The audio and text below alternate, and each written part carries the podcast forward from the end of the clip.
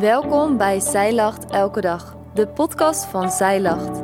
Mijn naam is Femke. Dit is de overdenking van 16 januari, geschreven door schrijfster Marije Dekker Brandwijk. Gastvrijheid is in de Bijbel een belangrijke waarde. Jezus laat het in zijn leven ook zien. Hij nodigt veel en verschillende mensen uit om bij hem te komen en gaat in op de gastvrijheid van anderen. De rest van de samenleving zou deze mensen vaak buiten laten staan. Gast of gastvrouw zijn, daar valt volgens Jezus nog wel wat over te leren. Ik vind het heerlijk om mensen uit te nodigen voor een maaltijd en daar iets bijzonders van te maken. De gelijkenis van Jezus, die we vandaag lezen, heeft mij aan het denken gezet. Op welke manier ga ik ergens heen of nodig ik mensen uit? Jezus is uitgenodigd voor een maaltijd nadat hij iemand heeft genezen. Er vallen hem allerlei dingen op tijdens de maaltijd. En allereerst heeft hij een boodschap voor de gasten. Dit staat in Lucas 14, vers 7 tot 10. En hij sprak een gelijkenis tot de genodigden, toen hij merkte hoe zij de ereplaatsen voor zichzelf uitkozen.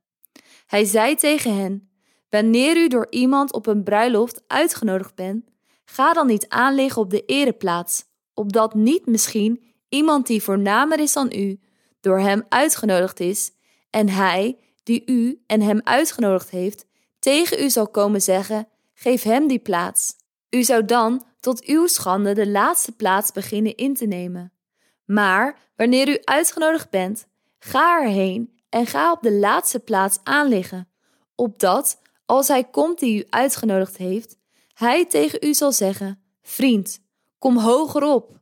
Dan zal dat u tot eer zijn in de ogen van allen die u met u aanliggen. Jezus heeft de gasten misschien wel geobserveerd en gezien dat ze voor zichzelf de beste plek kiezen, zonder rekening te houden met andere gasten. Stel je voor dat je op een bruiloft bent met een tafelschikking voor het diner en dat in plaats van de moeder van de bruid er opeens iemand anders op haar plaats gaat zitten. Dan zou je toch raar staan te kijken? Jezus roept de gasten op om nederig te zijn en niet aan zichzelf te denken. Want Jezus zegt als laatste in Lucas 14, vers 11: Wie zichzelf verhoogt, zal vernederd worden, en wie zichzelf vernedert, zal verhoogd worden. Zeker in de huidige maatschappij lijkt het soms te veel om, om onszelf te draaien. Jezus wijst ons hierop en roept ons op om onszelf een nederige positie te geven. Daarnaast heeft Jezus ook een boodschap voor de gastheer, die we ook mogen vertalen naar ons als gastvrouw. Dit staat in Lucas 14, vers 12 tot 14.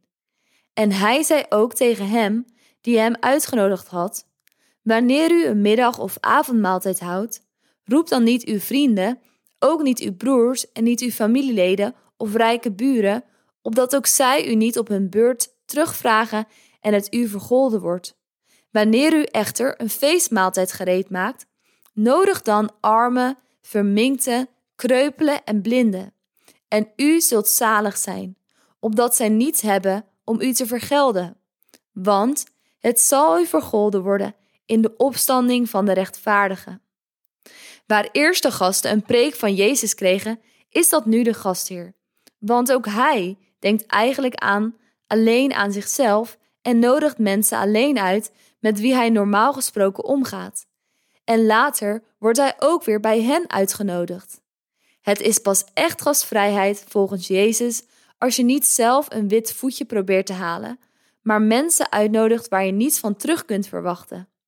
Mensen die je misschien normaal niet zo snel zou uitnodigen. Nederig en onbaatzuchtig zijn en niet aan jezelf denken. Dat hebben deze twee verhalen gemeen. Ze laten ook iets zien van de bruiloft van het Lam, de grote maaltijd in de hemel. Daar heeft Jezus iedereen die Hem lief heeft en beleid als Heer voor uitgenodigd.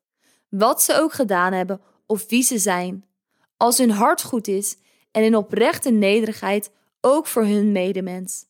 Want dan zullen zij die de laatste zijn, verhoogd worden en een ereplaats krijgen.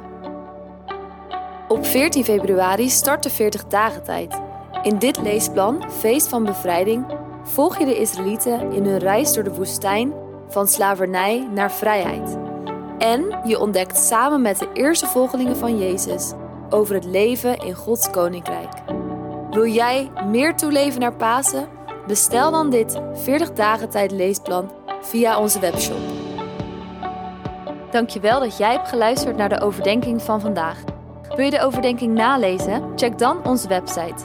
Je vindt er ook meer toffe dingen die jou helpen om de Bijbel vaker te openen, zoals boeken, Bijbels, cursussen en evenementen. Morgen ben ik weer bij je terug met een nieuwe overdenking. Tot dan!